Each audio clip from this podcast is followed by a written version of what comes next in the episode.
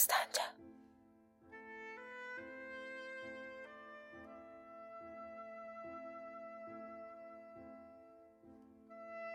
Paltarları altda gizlətdiyi elamiyələr yeridikcə sümük kimi Nərgizin qarnının yumuşaq dərisinə batır. Azərlə qol-qola verib kilasa girəndə yenə də qızları kilası başlarına almış gördü. Azər dedi: Adam kaş bunların yerinə ola ba. Dünya dağılsa da çalıb oxumaqlarındadılar. Puran müəllimin mizinin önündə oxuya-oxuya rəqs edirdi. Pulun var? Mina isə miz üstündə zərb tutub ona cavab verirdi. Var, var. Elə bəs gələrəm. Kilasın müpsürü Məryəm qara taxtanı silə-silə dedi: Uşaqlar, bəsdir, indi ağayı elmi gələr. Təmrinizi saxlayın teatr salonuna. Mina ilə Puran mədrəsənin həm pişahəng qızlarından idilər, həm də teatr qrupundan. Həm səsləri xoşa gəlim idi, həm də sifətləri. Qızlardan 4-5-i başmaqlarını çıxardıb nimkət üstündən boylanıb pəncərədən xiyabana baxırlar. Uşaqlar gəlin baxın, yenə şəhərbanı qabağında qaça-qaçdı. Nərgiz tələm-tələsik bir səndəlin üstünə qalxdı. Ajanlar çiyinlərində tüfəng bir kamyonun dalısına qalxırdılar. Yəqin gənə çarrahda təzahürat var, dedi. Mina ilə Puran qol-qola Nərgizin sözünü eşitməmiş kimi kilasın ortasında oxuya-oxuya rəqslərinə davam verirlər. Elə bəs gələrəm. Bilirəm gələrsən. Elə belə canımsan. Məryəm qapını açıb koridora baxdı. Ədəbiyyat müəllimini dəftər otağından çıxarkən görcək, höyləsək uca səslə dedi: "Uşaqlar qaçın oturun yerinizdə. Ay elmi gəldi."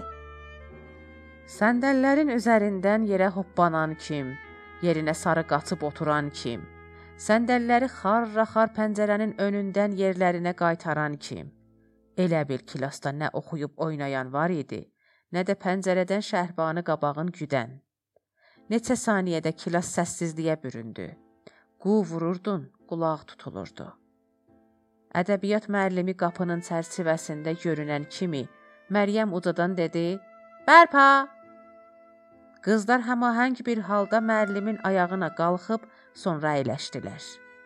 Bədənlərin hərəkəti bir anlıq olmuş olsa da, səssiz fəzada özəl bir musiqi yaratdı. Sonra bir tappıltı səsi kilasın səssizliyinə calandı.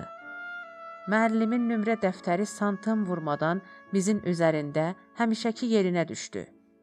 Ədəbiyyat müəlliminin adəti idi.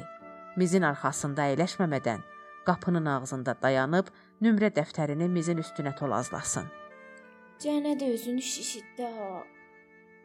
Kaş bir nəfər tapıla bu pısmırığa deyə bəsdi babam. Gördük da, bir dəfə, iki dəfə özünü görsətdin. Görər. Azər pıçıldadı. Mən ölüm qiyafəsinə bax. Elə bir İskəndər Hindistanı fəth elədi. Hələ harasıdır?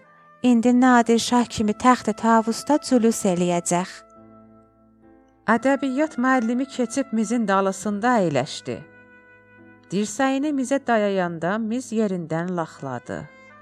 Mizin sınıq payasının altında qoyulmuş kərpic parçası öz yerindən oynamışdı.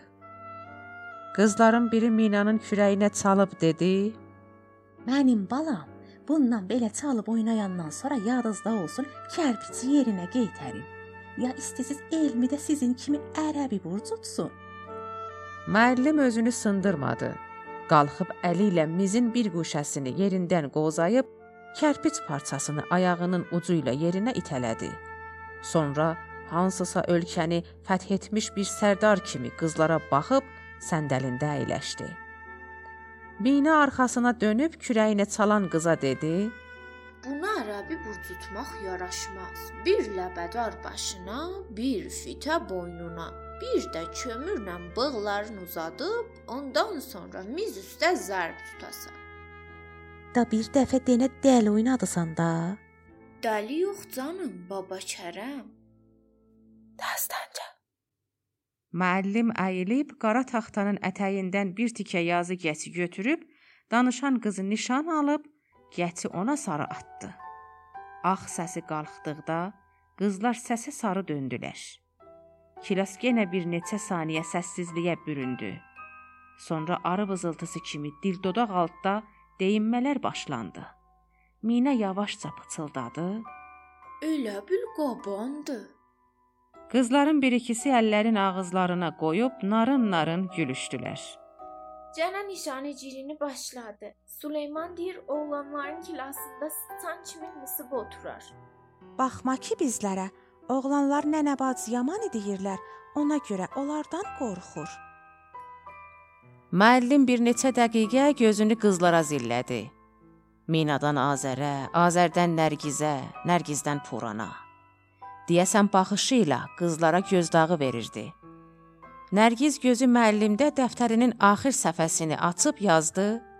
Dinmə, deyəsən bizi qərələyib. Kağız üstə danışmaq qızların bir çoxunun adəti idi. Azər dəftəri Nərgizin əlindən alıb yazdı. Nə vaxt bu zəhləm getmişdən yaxamız qutulacaq? Hələ keçən həftənin acığı canımdadır. Bu dəfə məni nişan alsa, mən də cəci götürüb onun pısmırıq heykəlinə çırpacağam. Nərgiz kağızda dişini ağartmış bir karton çəkdi. Azər kartonun altında yazdı. Allah sənə də qismət eləsin. Nərgiz Azərin yazısının altında yenə də dişini ağartmış bir karton çəkdi. Azər kartonun altında yazdı. Zahrimor. Nərgiz Zəhrimar sözünün qabağında qaban dişli bir ilan çəkdi. Azər isə gücü billahla gülməyinin qabağını aldı. Dəftəri Nərgizdən alıb yazdı. Eşşək güldürmə, bizə baxır axı. Eşşək yox. Be qol Süleyman eşşəyin bir eşşək. Azər dəftəri Nərgizin əlindən alıb yazıları qaraladı. Nərgiz ürəyində Allah Allah eləyir, müəllim keçən cələsə verdiyi təqti təmrinlərinə baxmasın. Dünən gecə yarısınacan təmrin yazmaq əvəzinə Süleyman verdiyi Təbrizin Bistonehe Bəhmən etirazlarından himayət unvanlı bir elamiyyənin üzündən karbon qoyub nəm neçə nüsxə yazmışdı. Hər klasa 6 elamiyə. Əvvəl klasların qızları siyasətdən başları çıxmaz. Hələ uşaqdılar. demişdi Süleyman. Onu uşaq hesablamadığına görə Nərgiz isə özündə qürur duymuşdu. Səhər çağı hamı yuxudakən Süleyman qaplarındaydı. Nərgiz oğru pişik kimi asta-asta qapını açıb həyətə çıxmışdı. Ana bacısı yuxudan ayılsalaydılar, işi yaş idi. Elamiyələri Süleymanın əlindəkilərlə əvəzbədəl eləmişdilər. Onları dəyişmək Süleymanın fikri idi. Nərgizə görə elamiyələri dəyişmək uşaqyana bir fikri idi. Ancaq nədənsə Süleymanın bu işə israrı var idi. Mədrəsədə güdaza getsəydilər, xətt nabələd xətt olmalı idi. Süleyman qara karbon, Nərgiz isə mavi karbondan faydalanmışdılar. Mədrəsədə necə dağıdacaqlarının yol göndəmini də Süleyman öyrətmişdi. Ədəbiyyat müəllimi təmrinlərdən qabaq taza dərsin üzünü oxuyur. Deyəsən, sınıq radionun piçini açıblar. Müstəqim xətt kimi səsinin nə alçaq tonu var, nə uca tonu. Qulaq pərdəsini titrədən gücü yoxdur. Müəllimin səsi Nərgizi darıxdırır. Dərsə qulaq asmağı gəlmir. منت خدای را عز وجل که طاعتش موجب غربت است و به شکر اندرش مزید نعمت هر نفسی که فرو می رود ممد حیات است و چون برمی آید müfərrəh zat.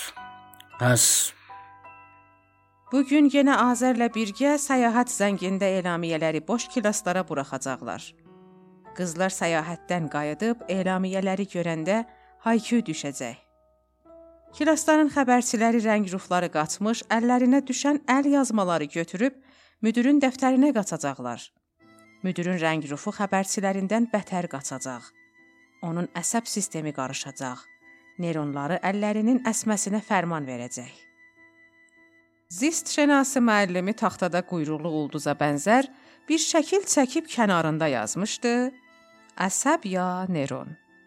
Sonra demişdi: "Çırıxmayın ha. Bu Neron Rum şəhrini oda çəkən Neron deyil, amma o Nerona da bu Neron fərman vermişdi. Qızlar müəllimin sözünə gülmüşdülər. Müəllim isə Qeysər Cununi adında bir naxoşluqdan danışmışdı.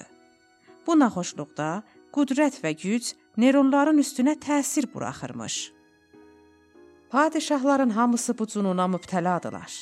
Kökü eyni olsa da, ancaq növ olaraq virus kimi bölgədən bölgəyə, ölkədən ölkəyə fərq elər Qeysər Cununi. Birisi Neron kimi şəhri oda çəkər, o birisi Ağa Məmməd xan kimi göz sıxardar. Ayrısı da Rus tizarı, qorxunc İvan kimi bir şəhrin insanların dənizdə qərq edər. Dastanca Kitabın adı Quşlar daha qorxmurlar. Yazar Rüqəyyə Kəbiri. Bu kitabı səsləndirdilər. Nəyirə Ərdəlani, Mehdi Miyablı, Fatimə Nəcəfzadə. Düzənləyən Behnam Məhəmmədi. Bizim axağa qatılmaqla işimizin ardını tutmaqda bizə dəstək olun. Axağımızın adresi Dastanca D A S T A N C A